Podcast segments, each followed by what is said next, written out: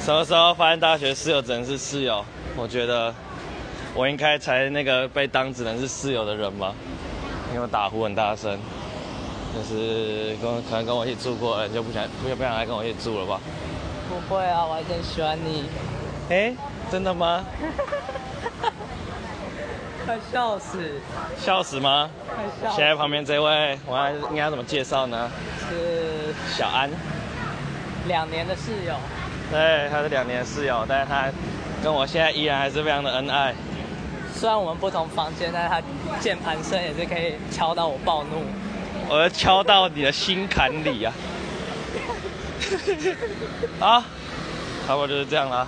大学室友，不只是室友呢。答对，哇哦！哇哦，